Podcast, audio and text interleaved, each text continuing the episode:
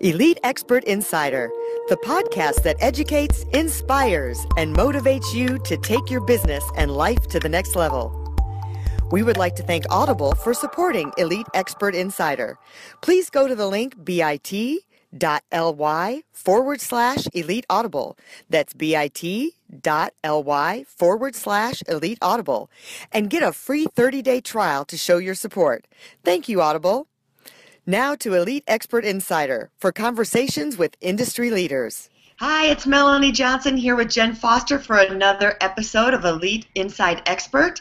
And we have a special guest today, Beverly Kyer. She's going to talk about what it's like to have compassion fatigue. She's going to tell us exactly what it is and what you should look for and how to overcome it. She's written a couple books on the subject, and it's really a hot topic right now with our whole population getting older.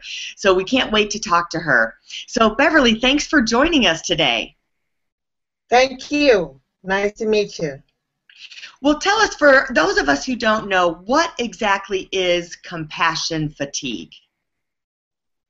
Compassion fatigue is a syndrome that very much mirrors post traumatic stress disorder. Um, it's a condition that impacts people who are directly impacted by a traumatic event or life experience that is overwhelmingly stressful and more stress than typical stress, you know, like being on the line of DMV or in traffic. But this stress has such a chemical impact. The people who have compassion fatigue are the ones who are providing service directly as human service providers, rescue workers, emergency workers, health workers, and family caregivers who are working intensely with people who are struggling, people who are suffering people who have a lot of demands to take care of their physical, mental, and emotional needs. So the the impact on the caregiver and the service provider is a secondary or vicarious impact. In the the stress of the work no matter how much you love and care for people it is very very taxing emotionally and it is very very taxing on the human body. So that's essentially what it is.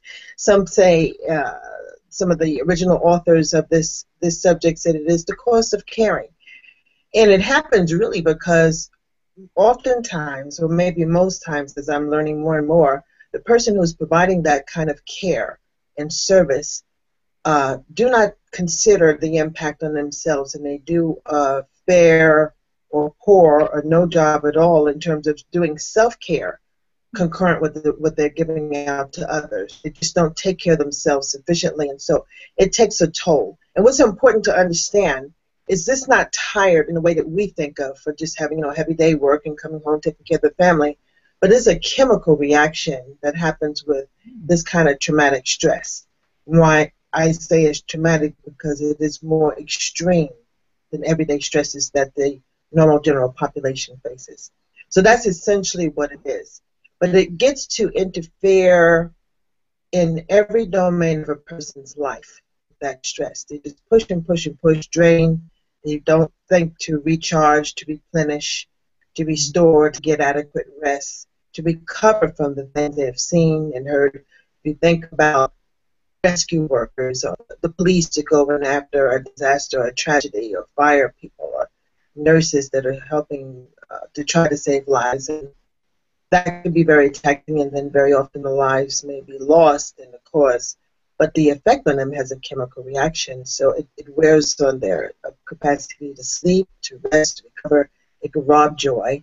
It interferes with family life. As I'm talking to people, sometimes I'm asking, how many times do you get a sort of a flashback or traumatic imagery, remembrance of a very unfortunate or, or distressful situation when you're at a birthday party or a cookout or a wedding, it just kind of those kinds of things invade because we feel so deeply about struggling people, suffering people, victimized people. Mm-hmm. Mm-hmm. So that's kind of what it is in a nutshell. There's so much more to say about it because it mm-hmm. has major, major symptoms that impact people cognitively, emotionally, uh, behaviorally, interpersonally, uh, spiritually and physically. Really has major physical uh, impacts that could be highly detrimental. It could be near fatal, and it could be fatal. If people persist yeah. in not doing intentional and consistent self care. Well, I think uh, a lot of those people have such big hearts and they're just giving, giving, giving, and they forget to give to themselves. And so yes. it's great that you've um, written the, the book. What was the title of your book again? Um, so the title of my book is Surviving Compassion Fatigue. It's help for those who help others. And it, I also uh, subtitled it uh, The Story, the Mission, and the Gift. Yeah, that's wonderful because I think a lot of the stuff you have in there just really will help those people that already have such big hearts to look and turn to themselves and give themselves that time and and help themselves to you know to give themselves the self care right? The care that you're you're giving others. They say right. I like to call it give yourself self compassion you know practice some of that. Yeah. And the population is getting so much older. I've heard figures on um, people who take care of Alzheimer's patients or dementia patients, especially if they're trying to do it at home, that a lot of times the caregivers are dying before the patient is dying. That is exactly what the statistics are. If you you think of the average man or woman, they have work, they have a home, and they're taking care of their elderly parents, or even a, a, a sibling, other relative that's sick. They're taking care of two households. They're managing the medical care, the appointments, uh, the physical hygiene, the feeding of another person, and trying to juggle their lives. And this is extremely. If you just think when you come home, those of us who work a normal eight-hour job and you come home, well, you do some family stuff. You're tired and fatigued, and you're looking forward to rest. But to come away from your work and start all over again to manage someone else's life um, you can just imagine, and the loss of sleep, the physical distress.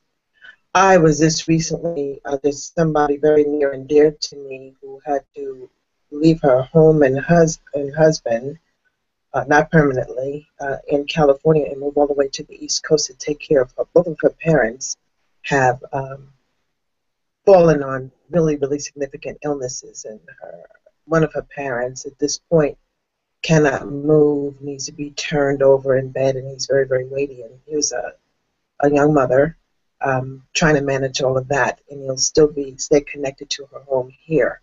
This has been going on for her um, a year, and she's very, very stressed, very, very stressed. Her husband is uh, picking up now at this point and trying to pack down and work virtual from his job and move over there to help her manage all of that. And so it's, but it's, it's so prevalent, like you said, Melanie. The numbers are absolutely phenomenal. People live longer, and it's growing. And if I go into an audience to speak of, let's just say, 30 people, um, it's probably 20 of them taking care of family members.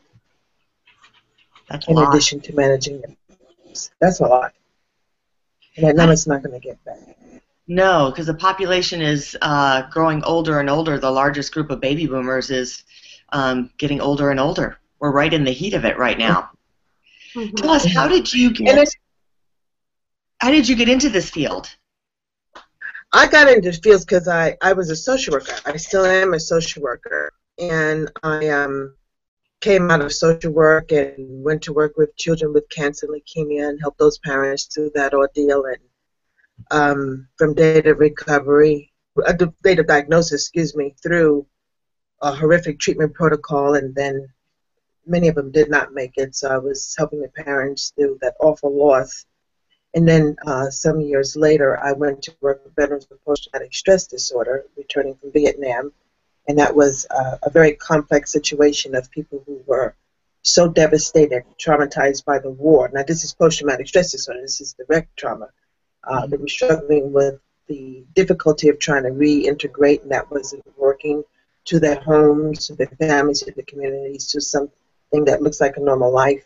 Uh, depression, suicides galore, um, alcoholism, to try to cope, um, domestic violence. And I wound up working also because the organization was Operation Outreach. We needed to also incorporate intense work with the families. Uh, marriages, partners, and this, the children of the veterans to help them cope. It was a new learning for us, but I was so invested in both of those populations, and I really just dug deep. I saw the need, and I, I think we could get so consumed. I knew I did with caring, and I felt strong. I felt so out, so strongly purposed and so strongly mission to help, which was such a clear um, uh, need, and didn't even realize it was overwhelming to me. I just exerted energy, and uh, at some points there were some changes in me that I, I didn't necessarily notice in terms of my mood and my emotions and my behavior. And uh, I, you know, I can cry over spilled milk and clumsy and having accidents and nervous kinds of reactions, hyper vigilant and hyper uh, uh, alert about you know dangers and risks. We lost quite a few people in both of those jobs, and it took an, a toll on me, but I, I persisted because we didn't understand anything about this thing called compassion fatigue, which is also, now the clinical terms for it, incidentally, are uh, secondary and vicarious trauma. Uh, that's secondary is obviously we feel very, very deeply touched when we hear a tragedy or disaster, and it really stays with us. And we want to know more and more about it. We can't get away from those thoughts and those images and the vicarious uh, term for it really talks to how when we work in it, the whole atmosphere is ripe with stress and distress, and you absorb that um, that constant exposure to the concern, the fear, the worry, to try to rescue, to try to prevent things from happening, trying to help heal people heal from what's happening, and that's a very slow and painful process. So the exposure and the absorption um, it just alters your life, the way you see life, the way you operate life. And so that's the vicarious part. But anyway, I did that work, and then I, and some years later, I moved into child welfare, and I think that's when it really kept for me. Um, as much as I feel terrible grief, terrible distress about any adult that's victimized, traumatized, uh, loses their life in any way, uh, when it came to the children, that took me to a, a different place, a different level of feeling responsible for our children. You know, if you compare the way you felt when you saw a shooting in the theater, it was horrifying when you saw the shooting in Sandy Hook. It just, because these are our children, this, the innocence, the vulnerability. So, working in that capacity, trying to help children who had been any the range from neglect to physical and sexual abuse, and emotional abuse, to abandonment, to homelessness. Um, the passion that I feel every worker feels is uh, top level. It's absolutely top shelf.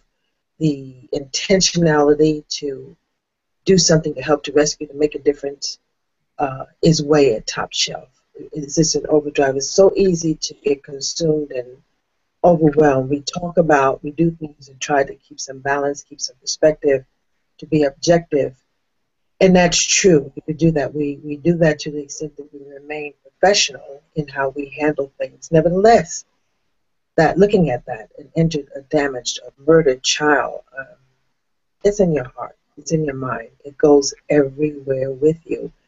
And so, back that up. I did that for nine years. And because I never counted the cost. I never really looked and understood the impact on me. As a matter of fact, when there were some impacts, as we talk about now in retrospect a lot, um, I could always minimize it or rationalize it or blow it off just to keep there. I even thought if I got the cold, I felt like that's a luxury. I got to get back to these kids. Got to get back to these kids. Mm-hmm. My body gave out. It, it, it gave out. I suffered one, and then the second episode of heart failure. The second one happened because I did not learn from the first one. I was anxious to recover and get back to helping those children, particularly ones who were still on my caseload. Um, and I went down the second time, and that one was uh, a near bottom out. I um, went into intensive rehab for three months, so I couldn't get back uh, and get to the children. I didn't even get to say goodbye to the children because I had that second episode on the highway on the way to work one morning. Mm. So, um, the good news about that, uh, Melanie and Jen, is that when it knocked me completely into a state of helplessness, I could barely walk. I slept in a recliner uh, day and night when I wasn't in rehab. I could barely walk to the restroom in my, which is a, in the suite of my bedroom. Mm-hmm. In that state of helplessness, all I could do was get on a computer, not to check with work, but to try to explore and research what in the world happened to me. How did this happen? Because to me, first of all, I felt that I believe I have a strong belief system that the work given to me, that mission, that's God's work, so I was supposed to be okay. The thing, the thing I missed out in that uh, that my that that belief system that I was supposed to rest. That's where I failed. I was supposed to stop. I was supposed to take breaks. I was supposed to give myself time to recover between the struggles and between the tragedies. And I didn't know to do that. So when I researched it, I learned an enormous amount of significant, serious, and fatal and fatal illnesses that are directly related to unmanaged stress. And that there was my learning. And then the fact, the fact that I lived through two episodes, and I was by myself both times. I said, well, I got a purpose for being here. You know what it was going to be, but it wasn't going to be direct care. So I took a lot of stock of a lot of things, and I thought about also my colleagues over the years. I had seen changes in them. We came out of school with energy and desire and passion to do good, to help, to save, to really serve in a powerful way. And I watched some of that energy get drained and zapped. I watched some of the enthusiasm the, the motivation, the inspiration get somewhat compromised. And yet people still push and try. They don't just give up. By, but I, you know, in retrospect, I, I, I could see where I saw shifts. I saw the people who were close to me. I realized it had challenged their family life. Like there was very little energy left when you leave a situation like that and you get home. The people who you love are waiting for you to get there to be available for them. And I realized for my friends as well as myself that was a struggle because it was not much left there. Nevertheless, we persisted, but it, it, it, it, all paid a cost. So it came to me that my mission would be to help the helper. I could help the children, I could help the adults who are struggling and in pain and suffering. Not only uh, physical caregiver, uh, Melanie, we have so much mental illness in this country. Mm-hmm caring for people like that is overwhelming. It is so extremely taxing and demanding on a person. So I wanted to help all of the people who help in the, the all of the fields. There's, there's, a whole range, all the medical and mental health and service providers and legal, such as juvenile uh, justice people, uh, people in the probation, probation departments, um, all of the counselors and mediators and court personnel, and emergency response teams. I sit down and do a lot of work with a number of them. No, but that, that became my mission. That became my mission. So tell us, what are some of the things that someone should look for that is a caregiver um, to know that they are uh, starting to have these signs, and what should they do uh, even for someone who's going to start to take care of someone, what should they do to make sure they don't um, get this? Well, let me start with your last question. What if you're going to start to take care of someone is to understand the risks right up front. And people often feel because you love people and you have a responsibility to people, like the elderly people who are taking care of their grandchildren and grandchildren because the parents may have lost their lives or they're gone for one reason or another is to come up with a plan and incorporate as much help as you can uh, from the start. Um, when I say a plan, is what are you going to realistically be able to do? What are the needs in the other household? Are they coming home to you? They're going to be in your house, and how is that going to work out? Where they're going to be? Who's going to share responsibility? If you're going to go to their house, that's another level of care, and that may that definitely means try as best you can to include many other family members, dear friends, members from the church, members from the community to kind of rotate some of the responsibilities as opposed to people mistakenly taking it all. Somebody else should be doing the shopping. Some people should alternate getting into their appointments. Some people should alternate going to the pharmacy to get medications or doing the bathing and personal care and the feedings.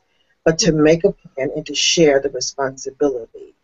Um, that's probably the hardest thing don't you think that that's kind of is. the hardest thing for people to do is to to re- to share the responsibility? Because I think a lot of times people feel like, oh, well, I can do it all, I can do it all. Or they think, well, I want to give, I don't need to involve other people. But the truth is, is they need to have that compassion for themselves, like you said, and and involve other people and share that responsibility.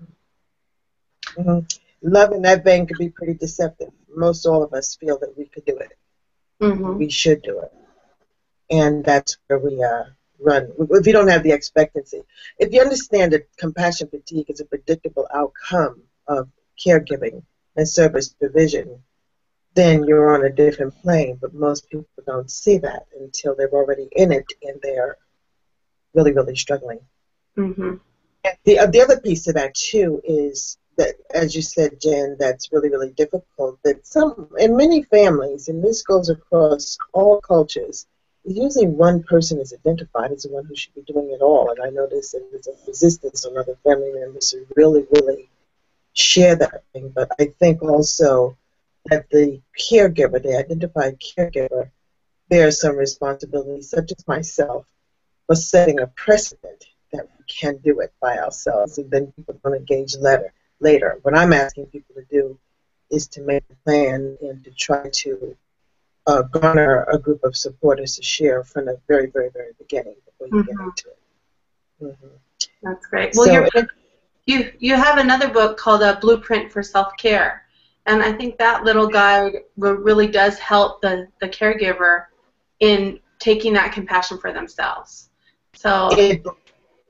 People should read yeah, that. I was very, very deliberate. I was very deliberate in that book to be very, very, very basic, very, very simplistic things that just people forget about, and people think about cost when they look about getting help. But these were just some basic things that had nothing to do with cost.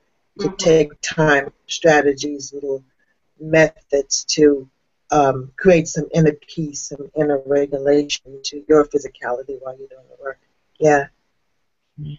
Beverly, do you think people get desensitized after a while for their compassion?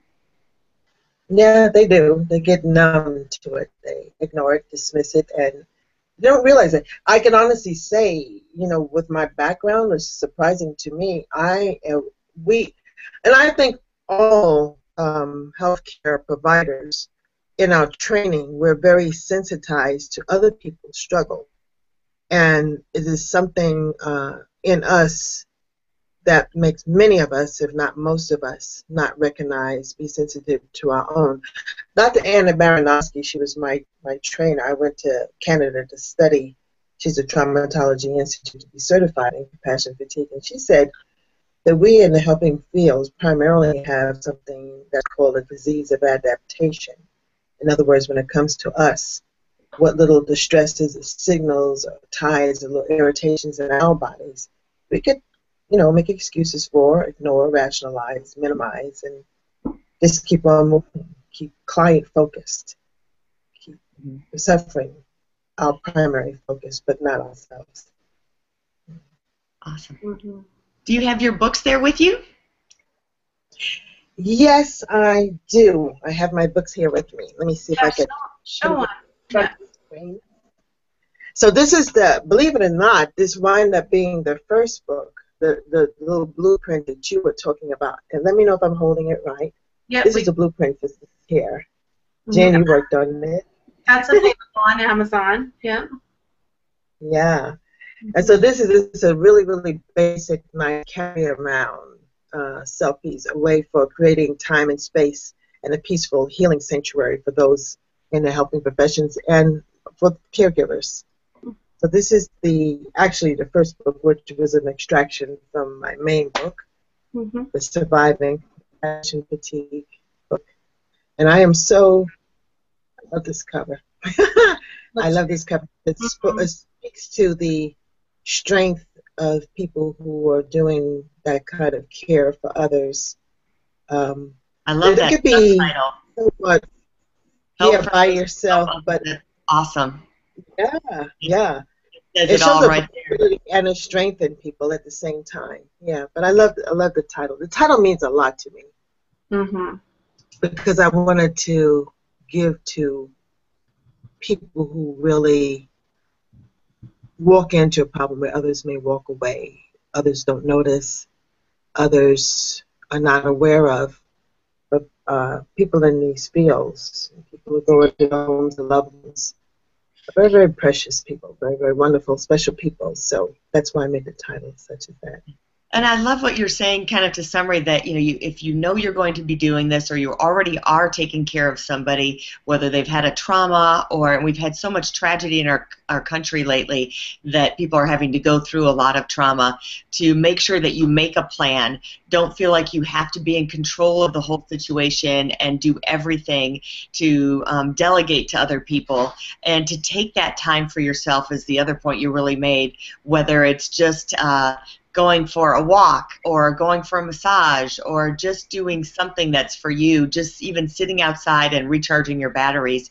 So I think those two things of making that plan and make sure you carve out that time for yourself and to um, spread the jobs out to everyone else. I think that's a, a great way for great advice for someone to start if they have to, if they're in that situation or about to be. Absolutely. Absolutely. Well, thank you, Beverly. We really appreciate you coming today, and uh, we will have your books up on our website, and Jen will put a link up there so they can get them. Mm-hmm. And uh, I know as so many people are involved in doing this. I think it's so timely, and we really appreciate you coming by today. We want to remind everyone to subscribe to our podcast. Um, please leave us a review. We would love to hear from you, and uh, and pass it on to other people to share it with them. So we'd love to have you subscribe and give us a review and uh, give us some love, share some stars and hearts with us. See you next time. Um, this is signing off for Melanie Johnson, and there's Jen Foster. Hi. Thanks, Beverly. For more information about us, go to eliteonlinepublishing.com. To get your free book, The Accomplishment and Success Story Starter, simply text your name and email to 832 572 5285. That's 832 572 5285. We'd also like to thank Audible for supporting Elite Expert Insider. To get your free 30 day trial, please go to bit.ly forward slash elite audible. That's bit.ly forward slash elite audible and get your free 30 day trial to show your support. Thank you, Audible.